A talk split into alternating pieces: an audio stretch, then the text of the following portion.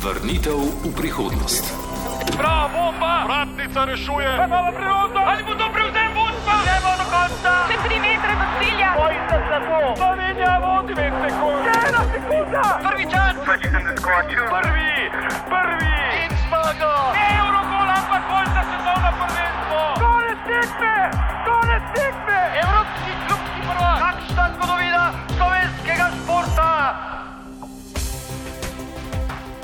Sanje generacij so postale resničnost. Kolajna Evropskega prvenstva v košarki leta 2017 je bila zagotovljena s polfinalno zmago v dvoboju dveh neporaženih reprezentanc Španije in Slovenije.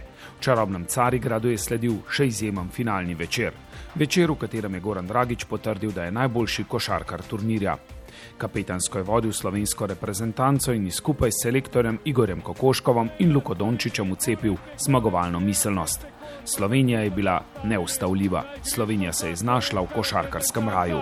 Naslov evropskega prvaka je tukaj, Goran Dragič na rokah, Jake Blažiča, objemajo se ostali in tu smo, v raju smo, v košarkarskem raju. Slovenija, najboljša na stari celini. Pot do raja pa ni bila enostavna. Goran Dragič je svojo kariero gradil z delom, postopno, brez bližnjic, kako se je uveljavil v evropski in svetovni košarki, kako je postal kapetan kluba v Ligi NBA in kaj so njegove vrline, kako je iz nadebudnega mladeniča postal košarkarski zvezdnik. Odgovore poiščemo v radijskem športnem časovnem stroju s košarkarskim komentatorjem Francijem Pavšarjem, s katerim se sprašujeva, kaj so nove sanje njegovih naslednikov. Časovni stroj. Dajmo bojem samo še nekaj sekund! Bravo Petra, Petra je tretja! Mateja Svet je zmagovalka! Primoš Peter, kaj daleč ti? Slovenija slavi, konec je, konec je. Tokratni epizodi Vrnitve v prihodnost se bomo posvetili enemu največjih uspehov slovenskega športa, eh, osvojenemu naslovu Evropskega prvaka slovenske košarkarske reprezentance. V njej je imel glavno vlogo Goran Dragič, kapetan na in ob igrišču, in Goran Dragič bo tudi rdeča nit tokratne oddaje. Franci Pavšer je bil takrat v eh, Carigradu del eh, spektakla, ki so ga zaznamovali tudi slovenski navijači in nekako tudi on, kot novinar, reporter, pravzaprav doživel sanje generacij, ki so jih pa slovenski košarkari sanjali kar nekaj desetletij. Franci, večkrat se vrne beseda na ta Carigrad, ki je verjetno tako nepozaben kot še kakšen drug dogodek v slovenski zgodovini športa, recimo nogomet smo imeli v eni od prejšnjih epizod in romanje slovenskih navijačev na evro, ampak ko na koncu zmagaš in si najboljši, pa verjetno to povsem drugače. Ti dnevi so bili izjemno intenzivni, tudi naše čustveno stanje se je stopnjevalo iz tistega odhoda na Evropsko prvenstvo. Bomo videli, kaj bo. Nismo si želeli obetati preveč, da ne bi bilo razočaranje prehudo, potem pa se je stekmo v tekmo stopnjevalo in tisti carigrajski dnevi so bili res nepozabni, ko smo začeli že pomalem vohati kolajno, ko smo v tem osvojili in potem se je še stopnjevalo z nepozabnim finalom. In bili smo pravzaprav v središču pozornosti vsi, tudi novinari. Spominjam se, kako so hodili do mene kolegi iz drugih držav, me spraševali, kaj o igravcih, o prepeliču podobno. Prej nas niso niti povohali, s pomembnostjo košarkarjev smo tudi vsi slovenci pridobili na veljavi, ustavili so nas in po tekmi so mi čestitali novinarski kolegi, nekaterih nisem niti poznal, niti nisem vedel, z katere države so, za kateri mediji delajo. Dobro, nekaj kolegov, seveda Španec, Srb, s katerimi se dolga leta poznamo, ampak tudi ostali so me ustavljali in spominjam se, kako je bilo na komentatorski tribuni izjemna gneča na začetku zaključnega turnirja v Carigradu. Na koncu so bile mize prazne, zraven mene Hrvat je bil že doma, Grk je bil že doma, povsem drugače in tudi videl sem recimo to osebje do nas, če smo imeli kakšno željo, povsem drugače so se obnašali do nas, ki smo bili finalisti, ki smo bili del spektakla. V Sloveniji je bila uprta vsa košarkarska Evropa, vsi so gledali, kaj bodo storili naši, prej pa smo bili nekako na obrobju. Čustveno je bilo pa sploh neverjetno, spominjam se, ko sem šel po tekmi na igrišče, to smo se vsi objemali, si čestitali in uh, povedal sem že toliko moških na kupu, da so jokali, še nisem videl, nismo skrivali teh solza, nismo si jih brisali, enostavno smo se prepustili temu trenutku. In tudi potem pred dvorano, po ulicah, srečevali smo ljudi, eh, nazdravljali, si čestitali, veselili, zajela nas je ne, neko novo čustveno stanje, euforija, razume skoraj da malo odpovedal. Goran Dragič je postal kapetan z veliko začetnico z tem evropskim prvenstvom, bil pa je že prej zelo pomemben člen v slovenski košarkarski reprezentanci, izdelan košarkar eh, leta 2017, morda celo v svoji najboljši sezoni, ne samo za slovensko reprezentanco, prej in potem tudi v košarkarski ligi NBA. O njegovi poti v nadaljevanju, eh, zdaj še en pogled nazaj. Imeli smo eh, košarkarjev, Kova, Goran Dragič, v preteklosti na košarkarski sceni, tudi na največjem odru Lige MBA, kar precej v določenem obdobju je bila Slovenija celo z največjim številom košarkarjev, eh, ki ne prihajajo iz Združenih držav Amerike v Lige MBA. In to so bili košarkari, ki so osvajali prstane in imeli tudi ne nazadnje vlogo v svojih ekipah. Rašo Nesterovič, Beno Udrih, eh, potem je tu Boštjan Nahbar, Primož Brezec, eh, pred njimi kot začetnik Marko Milič, skratka, cel kup košarkarjev, tudi ne na zadnje Saša Vujačič, ki v reprezentanci nikoli ni pustil neke vidne vloge, ampak eh, v Ligi MBA eh, pa v svojih trenutkih bil tudi ob Kobi Obrantu in tudi zaznamoval svoje obdobje. No in ti košarkari so predvsem sanjali, da bi tudi nekoč skupaj v reprezentanci sestavili mozaik. Nikoli jim ga ni uspelo. Kaj je bilo v tej reprezentanci drugače? od reprezentanc, recimo od leta 2000 pa tja do 2010, ko se je nabrala ta že omenjena vrsta vrhunskih košarkarjev, ki pa nikoli niso skupaj sestavili mozaika. Ja, to je vprašanje za milijon dolarjev in e, mislili smo, da je to travma, ki je ne bomo nikoli rešili, pa na srečo smo jo s to zlato kolajno. Ja, nismo imeli tako izrazitega vodje. Če neštejem, recimo, bili smo na svetovnem prvenstvu na japonskem šestimi košarkarji z NBA izkušnjami, Nesterovič, Brezec, Udrih, Nahbar, Milič, Slokar. Nobena druga reprezentanca razen ameriške ni imela tega, ne francozi, ne španci, ne grki. Ampak uh, to so bili košarkarji, ki niso bili vodje v svojih moštvih. Goran Dragič pa je prišel tja kot kapetan Miamija. To je povsem druga vloga, druga mentaliteta, drugačno prevzemanje odgovornosti, kajti v tistih odločilnih trenutkih ne šteje, kaj je bilo prejšnjih 39 minut, kaj je bilo na treningih, kaj znaš. Takrat moraš vzeti žogo v roke in vzeti na sebe tudi tveganje, v NBA tveganje milijardo vredne franšize eh, kluba.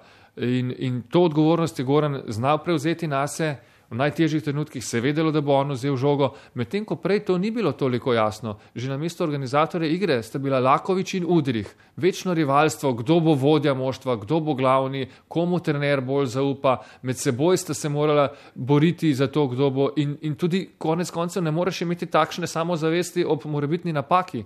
Tu pa je Goran točno vedel, da v moštvu ne bo nihče rekel, če bo zgrešil odločilni met tam pa bi bilo že morda drugače med več avtoritetami. Ja, pa še recimo Sani Bečirovič je bil poleg, ne? še en izjemen košarkar in težko je bilo že sestaviti mozaik, ne vem, peterke, eh, sedmorke, tu so bile predvsej bolj definirane vloge v moštvu, v tokratni zasedbi. In zato so ogromno naredili. Uh, omenil sem že to sezono prej, ko sicer ni bilo Randolfa in Dončiča, vendar pogovarjal sem se na Evropskem prvenstvu, sem spoznal kondicijskega trenerja Miljana Grboviča, profesor Šile, so mu rekli, zaklepetala so se po polfinalu, da sem potem skoraj zamudil po izjave uh, in mi je razlagal, kako so gradili pravzaprav to moštvo, kajti mi moramo vedeti, v finalu je Aleksej Nikolič pol minute pred koncem zadev dva prosta meta, Prepelič je zadeval kot nor, uh, Saša Zagorac ni igral celo prvenstvo, pa je pol finalu dal pet točk, ki jih ni dal prej v celi reprezentančni karieri na evropskih prvenstvih proti Špancem. Edo Murič je sprejel vlogo, da uh, sploh ni igral v polfinalu, pa predtem igral. Randolph je sprejel vlogo, da na začetku Evropskega prvenstva ni bil v prvi peterki.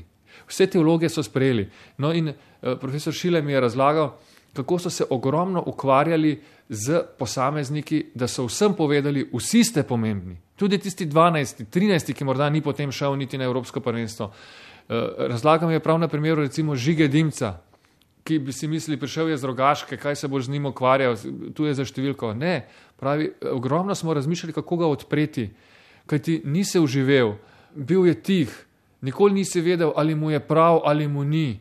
Eh, pač sprejel je in tam je bil nekako neopazno. Pravi, ogromno sem se trudil, da sem ga odprl, da sem rekel: pa povej, ali ti je prav ali ti ni. Ti si pomemben, potrebujemo te. Prišel bo trenutek, ko te bomo potrebovali, moraš biti pomemben, moraš se dobro počutiti, moraš vedeti, kaj je tvoja vloga. Povej, kaj znaš, kaj ti ne paše. In skozi te dolge priprave so nekako se spoznali, se oblikovali, si zaupali. In potem vsakdo izmed teh dvanajstih, ki je prišel na parket, je imel zaupanje svojih igralcev, zaupanje vodstva in je lahko dal od sebe ne samo to, kar zna, pravzaprav še več. Na tem Evropskem prvenstvu so nekateri košarke odigrali tako kot ne prej, ne kasneje v karieri, nikoli, ne v klubu, niti v reprezentanci. In to se je rodilo iz tega. In recimo, Eh, Grbovič je imel izkušnje iz jugoslovanske odbojkarske reprezentance, mislim, da še na mizno teniške. Dal je za seboj veliko največjih tekmovanj, imel je izkušnje in bil je izjemen psiholog, kajti trener je avtoriteta, medtem ko kondicijski trener, fizioterapeut, to so pa ljudje, ki se jim košarkari zaupajo, se jim odprejo in te ogromno naredijo, da se, da se dobro počutijo. Kot trener trener te razbije, ta te pa potem dviguje. Ne?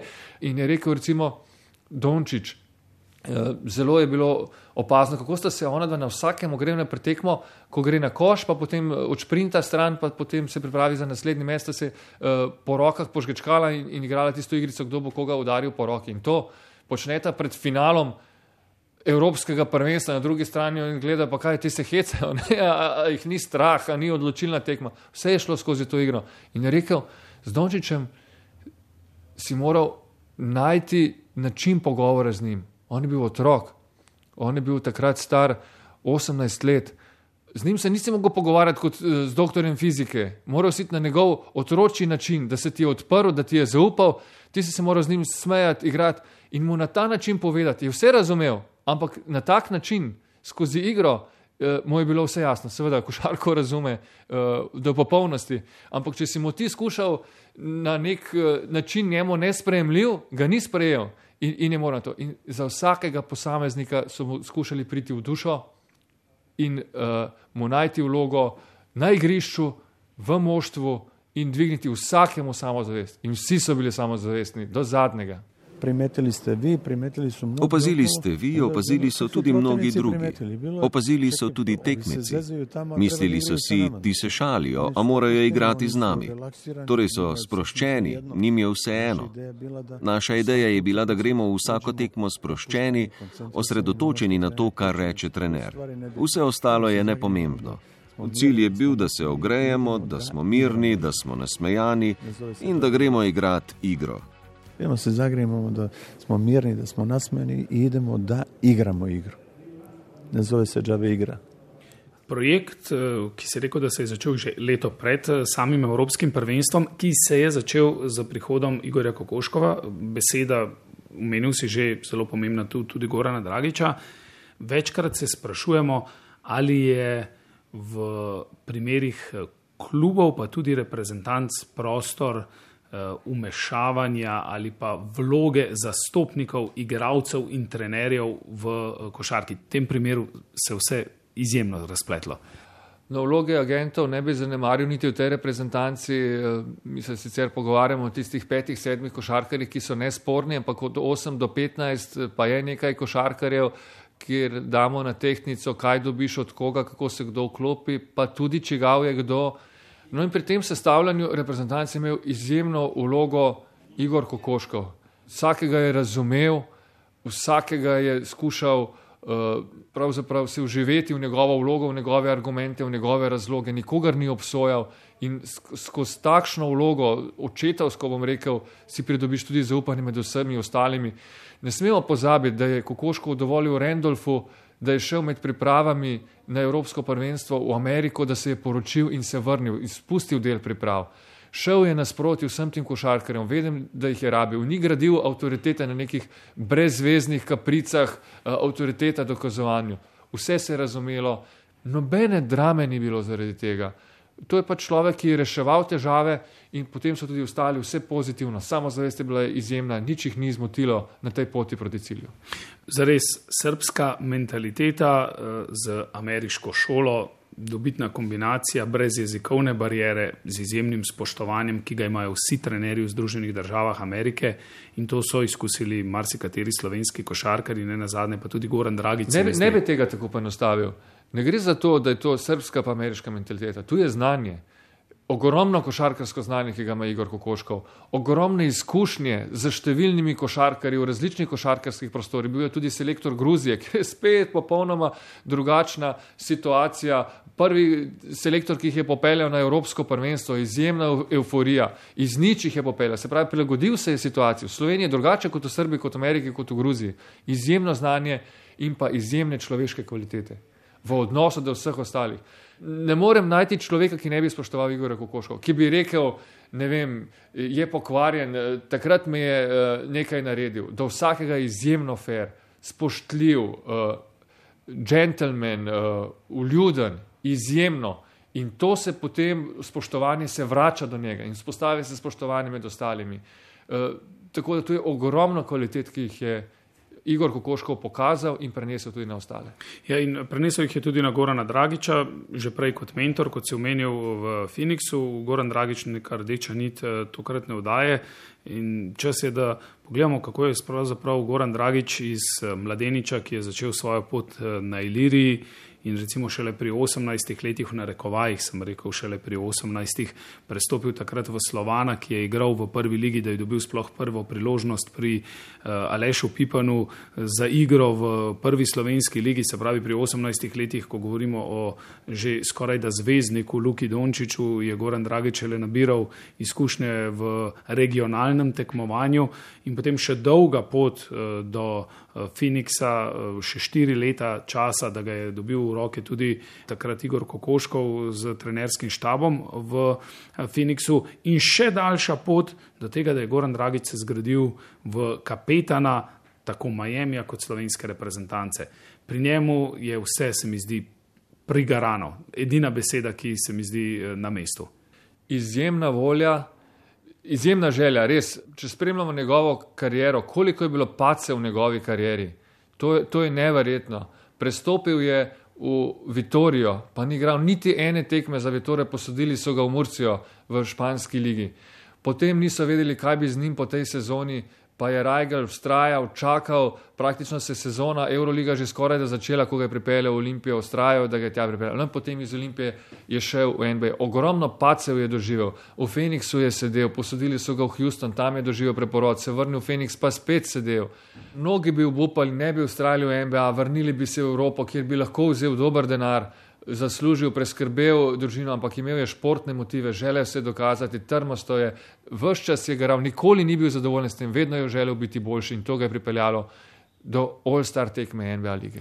Ja, All-Star tekma NBA lige je bila po Evropskem prvenstvu, ko je imel Goran izjemno sezono, verjetno najboljšo v svoji karieri, vsaj točkovno in eh, tako. Blizu so že zgodbi Evropskega prvenstva leta 2017, Matej Hrastar bo prepletal v nadaljevanju. Eh, še prej pogled na to, s kakšnim razmišljanjem je Goran prišel na priprave pred Evropskim prvenstvom. Zdaj, veliko krat v preteklosti so napovedovali košarkari kolajno, sam si dejal, da ste novinari bili previdni eh, pred tem Evropskim prvenstvom.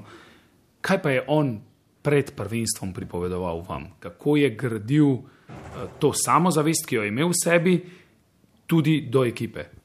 Goren šel izjemno samozavestno na to Evropsko prvenstvo s ciljem res nekaj doseči in vse je bilo temu podrejeno. Konec koncev je bil tudi trener po njegovem okusu, trener, s katerim ste se ujela, s katerim ste se medsebojno zaupala, trener, ki konec koncev je v svoji kartoteki že imel nekaj uspehov, imel kaj pokazati. In uh, šli so zelo ambiciozno na to Evropsko prvenstvo, ampak Slovenci smo šli vedno ambiciozno, morajo se besede ujemati z razmišljanjem ti lahko rečeš, želim biti evropski prvak, ampak ali sam verjameš v to, ali si pripravljen za to vse narediti. In uh, Goran je bil na točki, ko mu ni bilo do sodelovanja na evropskih prvenstvih in pač samo pridem za to, da me ne bodo slovenci zamerili, da sem manjkal prišel je z željo nekaj narediti, vedel je, da prav veliko priložnosti ne bo več imel, tudi telo mu tega ni dopuščalo. Eh, spominjam se že omenjenih kvalifikacij leto predtem, ob zaključku kvalifikacij smo se v Kijevu, v Ukrajini pogovarjala.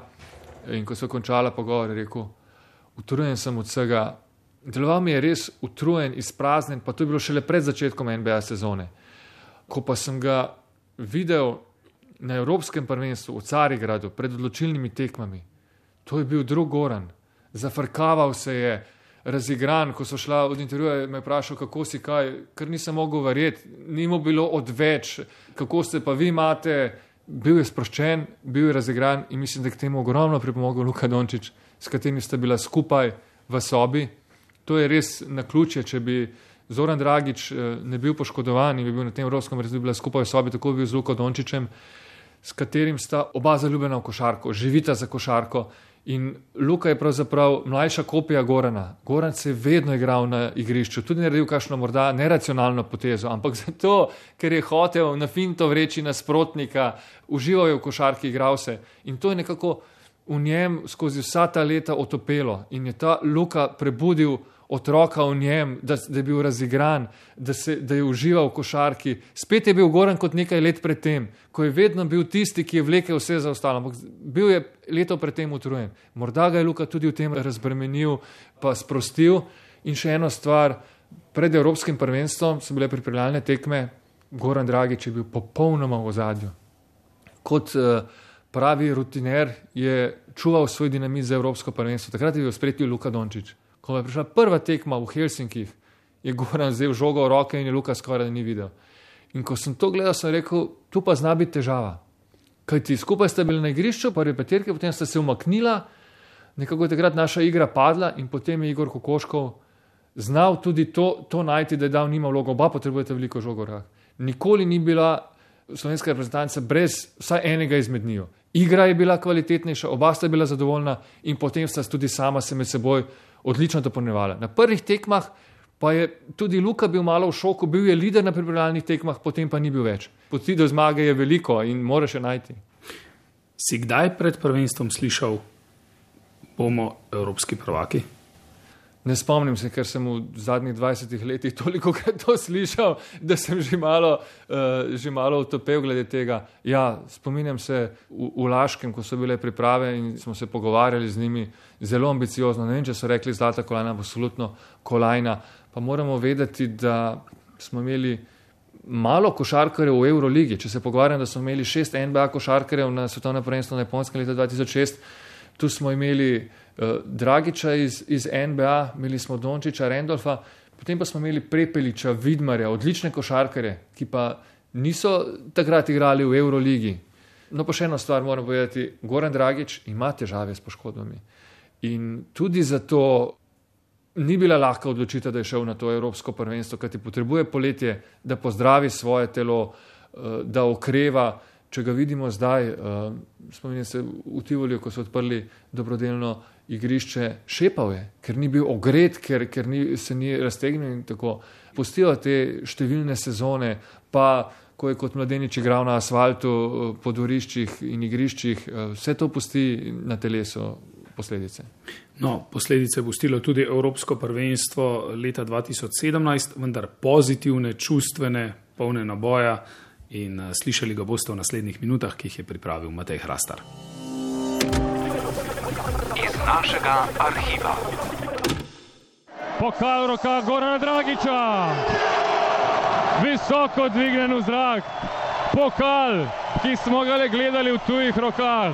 To je eden najsvetlejših trenutkov slovenskega športa in verjetno najlepši trenutek v karieri Gogija iz Koses, kot se bi rad reče v skromnem slogu. Poljubil ga je prvi kapetan, najboljši košarkar tega evropskega prvenstva, Goran Dragič. Vendar pa do njega ni prišel premočrtno, tako kot slovensko reprezentanco in njene navijače ga je do tam vodila dolga in zavita pot. Prvič je zablestev na Evropskem prvenstvu 2007, ko je navdušil kot golobradi mladenič z masko. Čez dve leti je bil na Polskem že eden glavnih igralcev o prvem slovenskem nastopu v polfinalu. In nova ukradena žoga, Dragič je bil tisti, ki je presekal podajo in gre lepo na polaganje. Goran Dragič zagotovo junak tega preobrata skupaj z Lakovičem. Prav Lakovič je bil tisti, ki na zadnjih dveh tekmah za medalje ni več mogel nositi vsega bremena. Tako je Slovenija ostala na zadnji stopnici pred medaljo. Nerazumljivo, zdaj meče od daleč Boštjan Nagbar. Lahko bi si v štirih sekundah naši pripravili boljši met, tako pa imajo Grki bronasto kolajno, Slovenija pa za točko prekratka. Čez štiri leta so Slovenci igrali doma. Dragič je bil nesporni vodja na igrišču, zunaj njega so bili v spredju izkušenejši.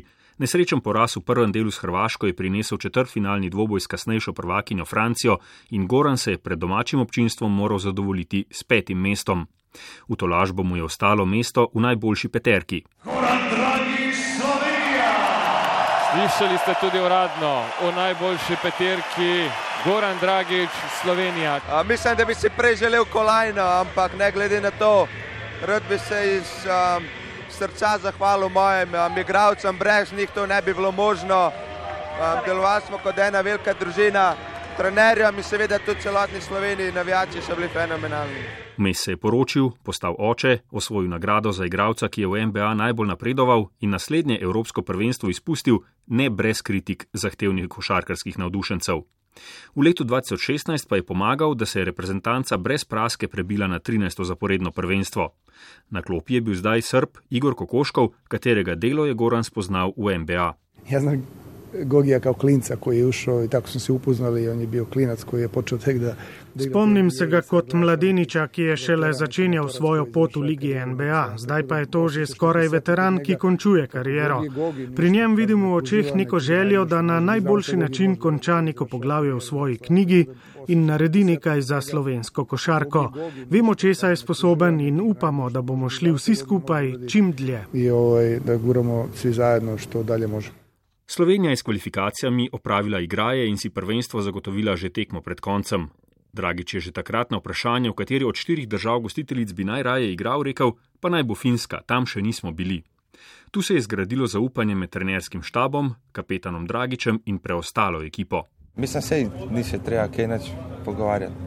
Sej jaz vem, kaj moram narediti, kaj moram biti, gled tem mladim. Pač voditi ekipo.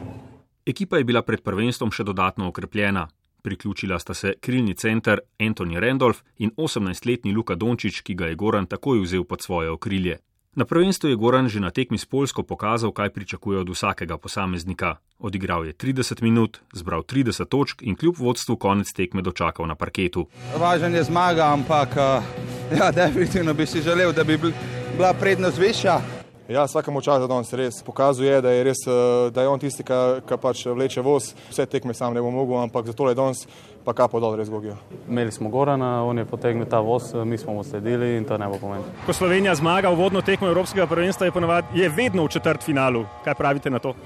Upam, da v polfinale. Proti razpoloženim gostiteljem je šlo na tesno, odločilno potezo pa je prispeval Anthony Randolph. Vendar pa Randolph je ukradel žogo Mark Kanenu in gre na zabijanje, ki prinaša slovensko zmago tri sekunde pred koncem. Srečanje z Grčijo je bilo polno preobratov, Gorana, ki je sedem minut pred koncem dobil četrto osebno napako, pa je razbremenil igralec tekme Luka Dončić. Gladka zmaga nad Islandijo je prinesla nov razlog za dobro vzdušje. Slovenija je prvič na evropskih prvenstvih presegla stotico, strelec je po navodilu kapetana moral seči v žep. Ja, sigurno, prvo, da bo jaka plačal pivo. Ja, Blažič plača pijačo. Ne, pico, pico, zdaj med prvenstvom ne pijemo.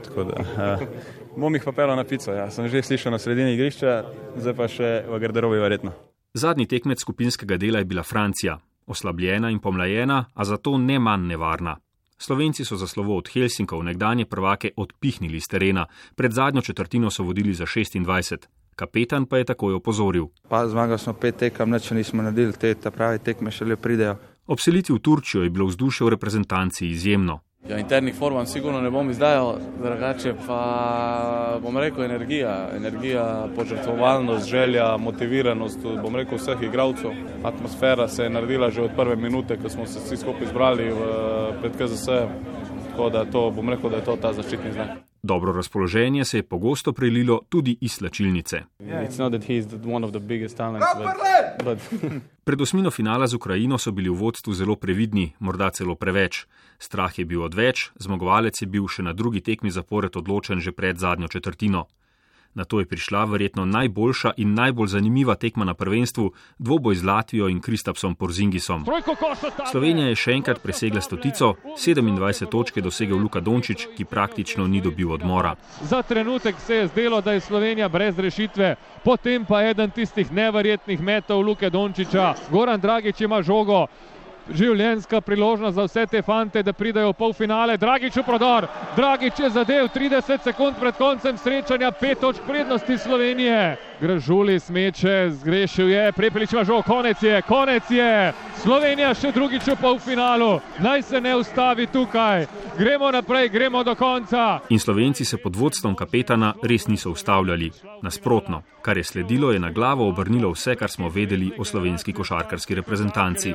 Na čelu z bratom Agasol, tu pa je slovenska izbrana vrsta, ki je čvrsto, samozavestno, predrzno igro, a kontrolirano hitro v svojem značilnem slogu, od katerega se lahko uči vsa Evropa.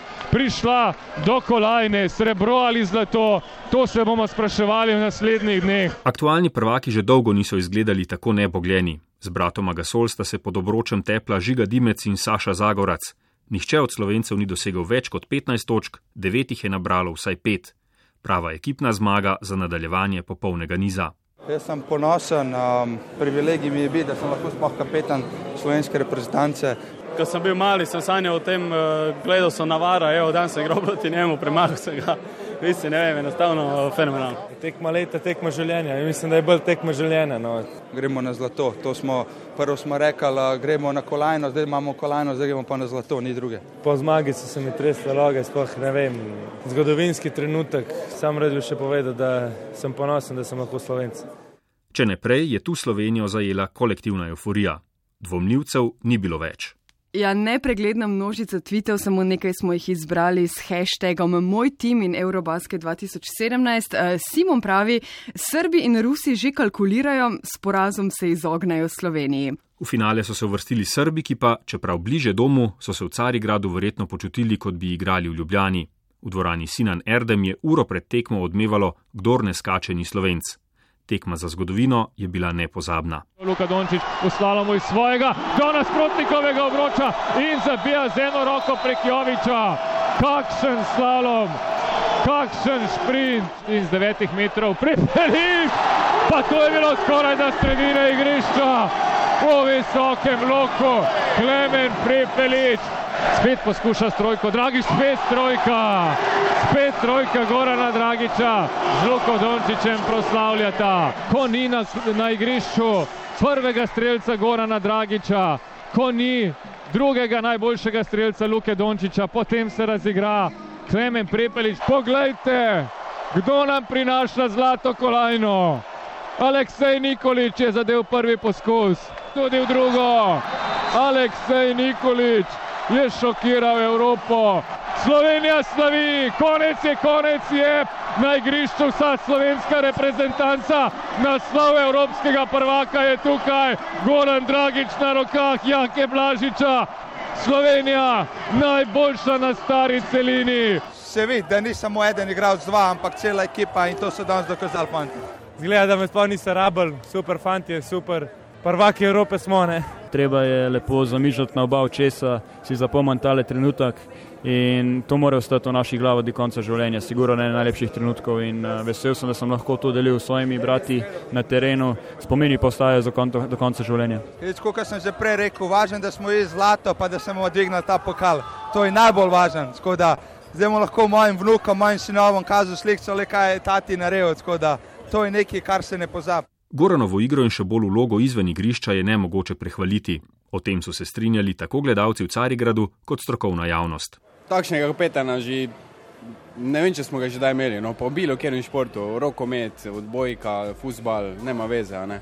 Jaz mislim, da je dozorel kot, kot košarkaš, vidi se, da je dober človek. Ne? Energija, osebnost, ne, borbenost, odločnost na parketu, res v bistvu vse, kar igra v crap.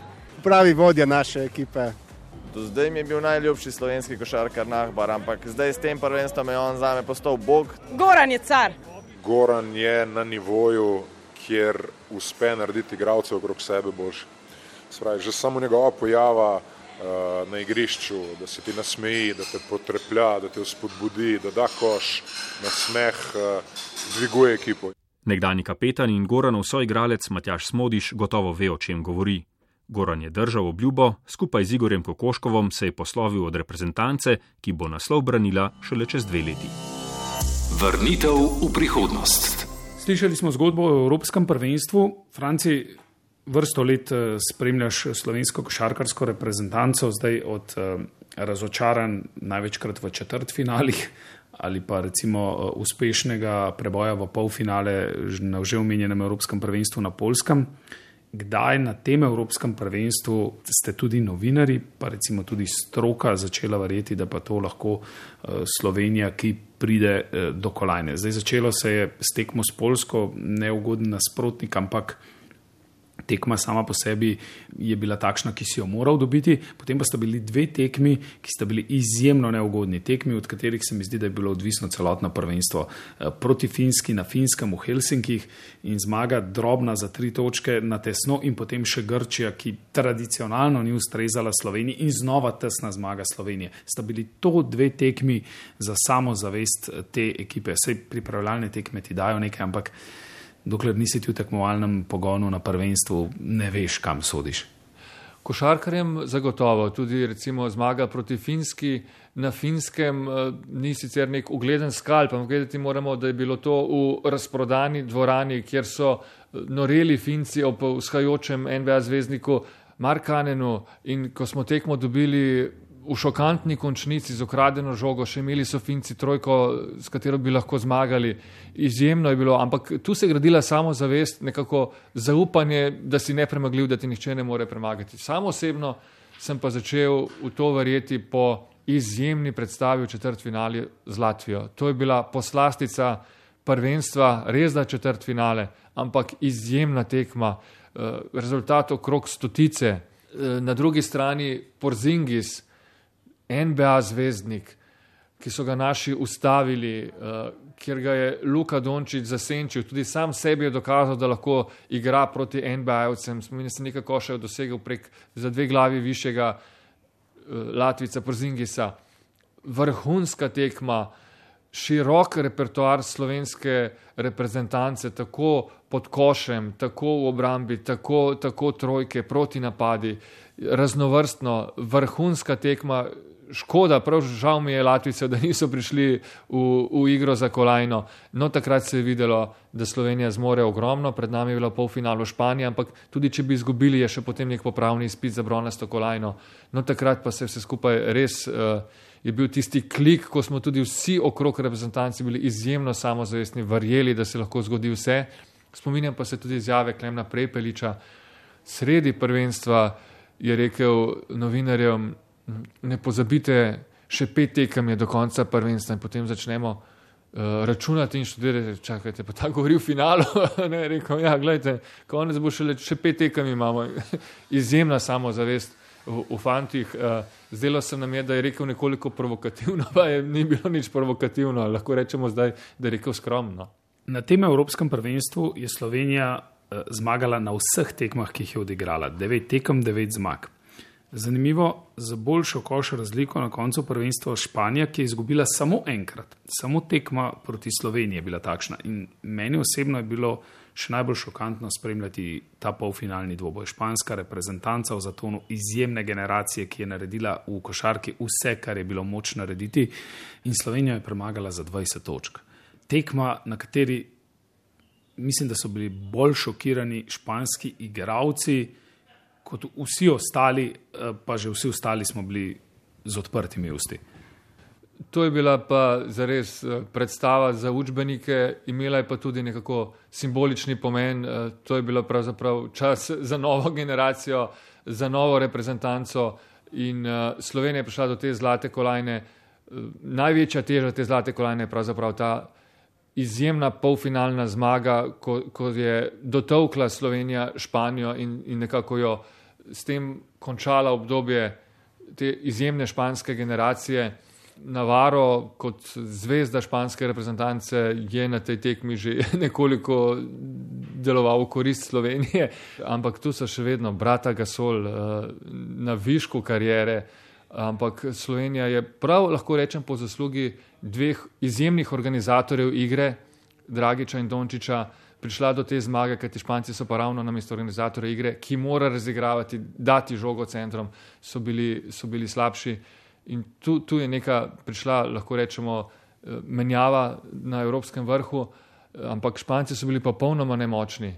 20 točk razlike je bilo, varna razlika skozi in spominja se kakšnih 7 minut pred koncem, ko se košarki lahko zgodi še ogromno, minuti se lahko zgodi ogromno. Mi je španski reporter, ki je sedel zraven mene, v minuti odmora čestital, sega mi v roko in rekel, boljši ste, čestitam vam za finale. Pa je bilo še ogromno košarke pred nami, ampak videti je bilo, da bi lahko igrali še tri dni, pa ne bi Španci mogli zmagati. Ja, in to španski košarkari in omenil vsi organizatorji igre, eh, sploh niso imeli slabih organizatorjev igre. Ne? Še vedno eh, v NBA-ju eh, izjemen Ricky Rubio, Sergio Rodriguez, to so igralci, ki imajo izjemen, izjemen. Eh, košarkarski repertoar in tega je zasenčila Slovenija. In še nekaj izjemno. Slovenija je to prvenstvo uh, zmagala uh, s košarko. Se mi zdi, da je na tem prvenstvu, uh, čeprav se večkrat vrnemo nazaj, pa rečemo, uh, da so bila morda tudi kakovostnejša evropska prvenstva po deležbi nekaterih košarkarjev, ampak na tem prvenstvu je zmagala košarka. Slovenija je v zadnjih treh tekmah dosegla 103, 92 in 93 točk. Torej, v zadnjih treh tekmah prvenstva, ko se največkrat, vsaj v evropski košarki, zmaguje z obrambo, ko so tekme težke, na nizek rezultat, z borbenostjo, je Slovenija dosegla v poprečju skoraj 95 točk. Nekaj neverjetnega, nekaj, kar je uspelo pravzaprav. Ustvariti poleg te kemije znotraj moštva tudi na igrišču z širokim repertoarjem za vsakega posameznika. Jaz spominjam se, da sem imel kar težave, ko sem potem recimo zbiral te statistike in je bila statistika tretje četrtine, pa je bil rezultat uh, višji kot na mnogih tekmah na koncu in potem se mora paziti, ali je to res končna statistika ali ne. Uh, visok, večin, na večini tekem Slovenije že v polčasu presegla 50 točk, izjemen ritem. Uh, ampak tu ni samo stvar dobre ali slabe obrambe, gre tudi za izjemen ritem. Uh, Slovenija je prilagodila igro, selektor je prilagodil igro temu, da ima dva uh, košarkarja, ki ima ustreza hitra igra. To sta Goran Dragič in Luka Dončić. Ogromno je bilo proti napadov, izkoriščali smo dober skok Vidmarja in Randolfa. In, uh, pa ja, igrali smo se, res igrali. Ni bil prepovedan med nikomor izmed 12. Goran Dragič je finale končal s 35 točkami. Eh, zdaj v evropski košarki redko vidimo, eh, da kakšen košarkar doseže 30 točk, meni si že, da so bili tu krči ob koncu tekme, ampak pravzaprav v vsakem delu tekme je izstopal nekdo drug, tako da se je pravzaprav kar skril učinek Gorana Dragiča, ki pa je bil na tej tekmi morda celo najboljši v slovenskem dresu v svoji karieri. Poleg teh se je 35 točk, pa še najboljši skakalec sedmimi skoki, skratka in najboljši asistent, popolna tekma za Gorana. Ja, in ko je šel Goran na klop, pravzaprav nismo niti vedeli, ali se bo vrnil ali ne. Še vedno smo imeli neko orožje na klopi in tudi srpske reprezentance morali razmišljati, kaj bo, ko bo prišel Goran nazaj. Ampak ga ni bilo in ni bilo potrebe, kajti bili smo nekako na varni razliki, zadnji napad ni imel več nobenega pomena. Ja, in vsi ti košarkari so, so odigrali, Aleksej Nikolič, spominjamo se, Prepelič, uh, konec koncev tudi žiga Dimec, košarkar, ki ni imel neke veljave, je tiste svoje minute odigral suvereno, enakovredno. In to je ta, ta kvaliteta. In eh, ko se pogovarjamo o tej samozavesti, ta samozavest se gradi na igrišču in izven igrišča. Uh, živeli so za košarko vsta čas. No in če že omenjam Gorna Dragiča kot vodjo, pa bom povedal še eno anegdoto iz svetovnega prvenstva 2010, prav tako v Carigradu.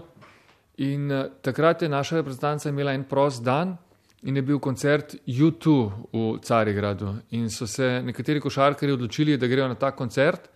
In je bilo v reprezentanci zelo tako, ali je to profesionalno ali ne, kako greš lahko med prvenstvom na koncert. Pravzaprav razumem, uh, neka sprostitev v tisti napetosti, greš pač na koncert. Ampak razpletlo se je tako, da so se zelo dolgo vozili na koncert v Gneči po, po Carigradu. Eh, in tudi po koncertu so dolgo časa čakali na taksi, niso mogli dobiti prevoza, to je bilo na tisoče ljudi in so prišli pozno, vzelo jim je to več energije, kot so mislili, bili so zmatrni.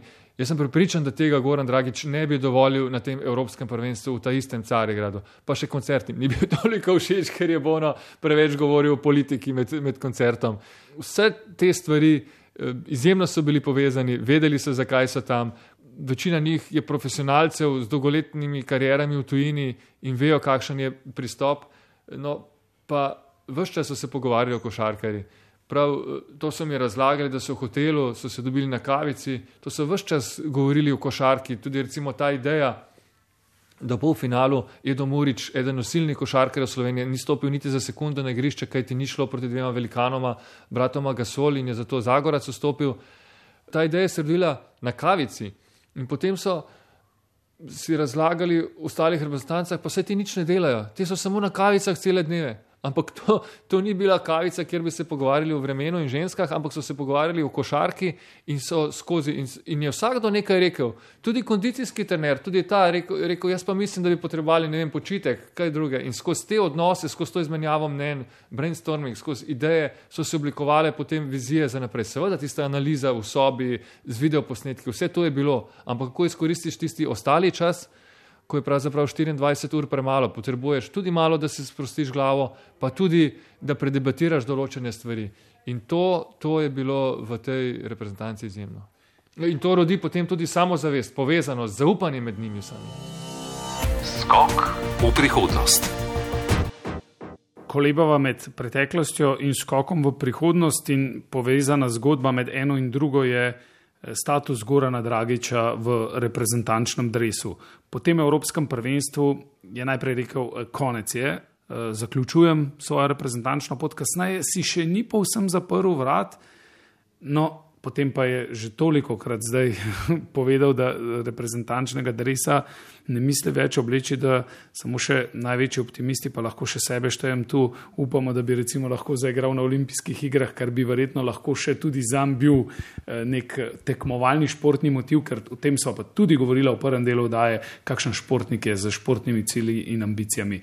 Ampak o tem govoru, ali je Goran dal zadnje atome moči v slovenskem dresu ali ne, takrat na prvenstvu zanesljivo, ali je, so bili to zares zadnji. V tem gibanju pa veliko no, klepetamo. Goran se je že pred prvenstvom nekako odločil, da bo to njegovo poslovilno prvenstvo. Povedal sem že, telo je tudi že svoje povedalo, bil je, bil je izžet že leto predtem.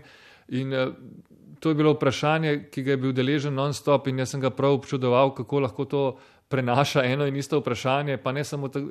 In takoj po prvenstvu to vprašanje. In spominjam se, da je pravzaprav različno odgovarjal na to vprašanje, pa vedno zelo iskriva. Enkrat je rekel, glava hoče, telo noče, drugič je rekel, ja, no.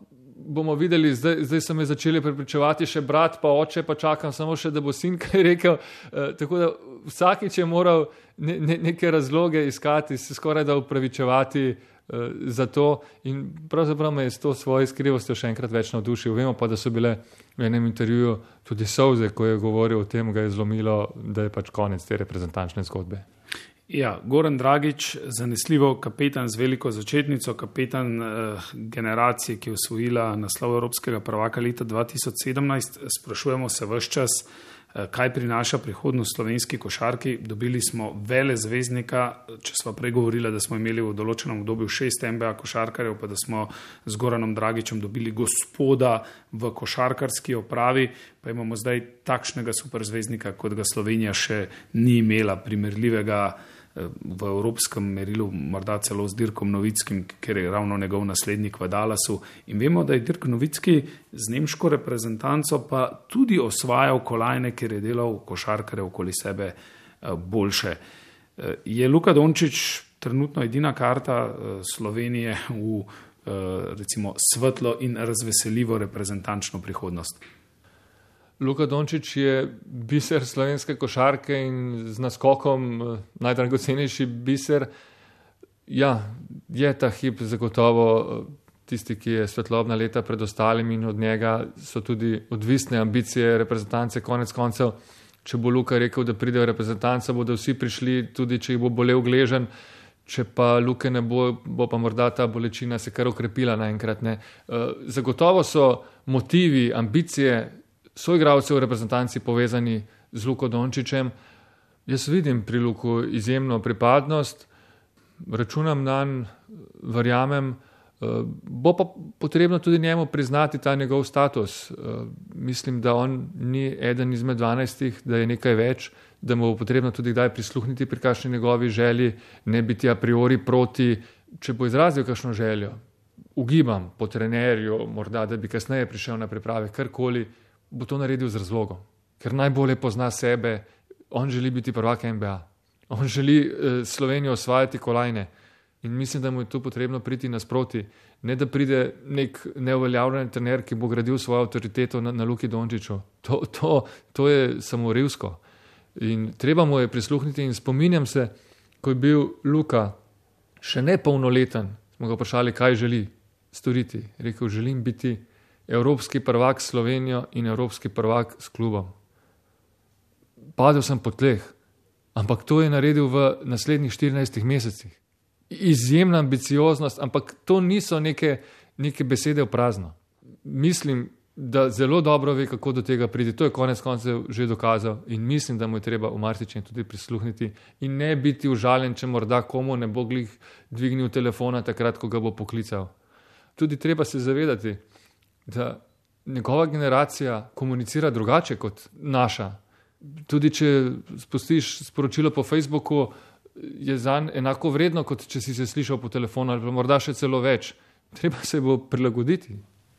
In še ena stvar je zanimiva. Ne? Luka Dončić je potem, ko je osvojil eh, tako evropski klubski in reprezentančni naslov, zelo trdno postavil cilje tudi za Ligo NBA s enim eh, zabavnih videoposnetkov, v katerih je napovedal vse od prstana do najboljšega igralca lige in glede na to, eh, da je že bil eh, najboljši ruki, torej najboljši novinec v Ligi, in da gre vse po teh korakih, mu vsaj zaenkrat še kar moramo verjeti, ne, da gre po poti, eh, v katero se razvija, torej za res izjemnega zvezdnika in Luki Dončiću se bomo seveda tudi posvetili v eni od naslednjih oddaj.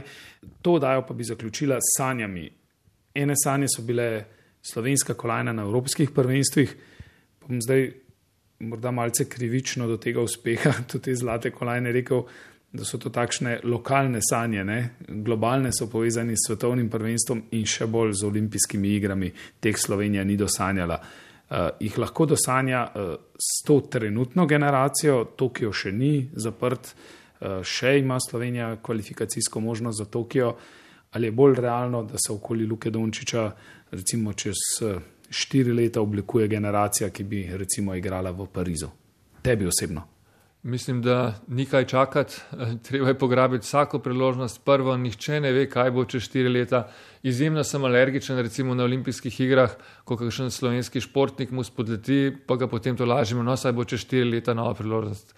Mnogo teh športnikov niti naslednjih olimpijskih iger ne dočaka. Ali se pač zgodi kaj vmes, pojavijo se neki drugi tekmovalci, ni kaj kalkulirati eh, prav zelo dolgoročno. Moramo strniti vrste vse, kar imamo ta hip in to storiti.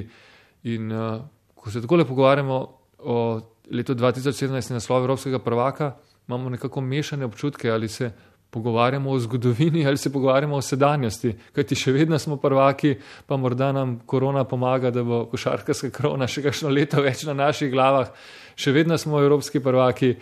In uh, prepričan sem, ko se pogovarjava o Luki, uh, navzel sem se te njegove miselnosti, pa bom kar rekel podončečevo, uh, ne želimo si na olimpijske igre, želimo si igrati za kolajno. Ja, takole si končal prenos v Carigradu uh, z besedami, ki se nanašajo na to, da bi bili lahko še kdaj veseli. Nam je lepo, upam, da ste srečni tudi vi.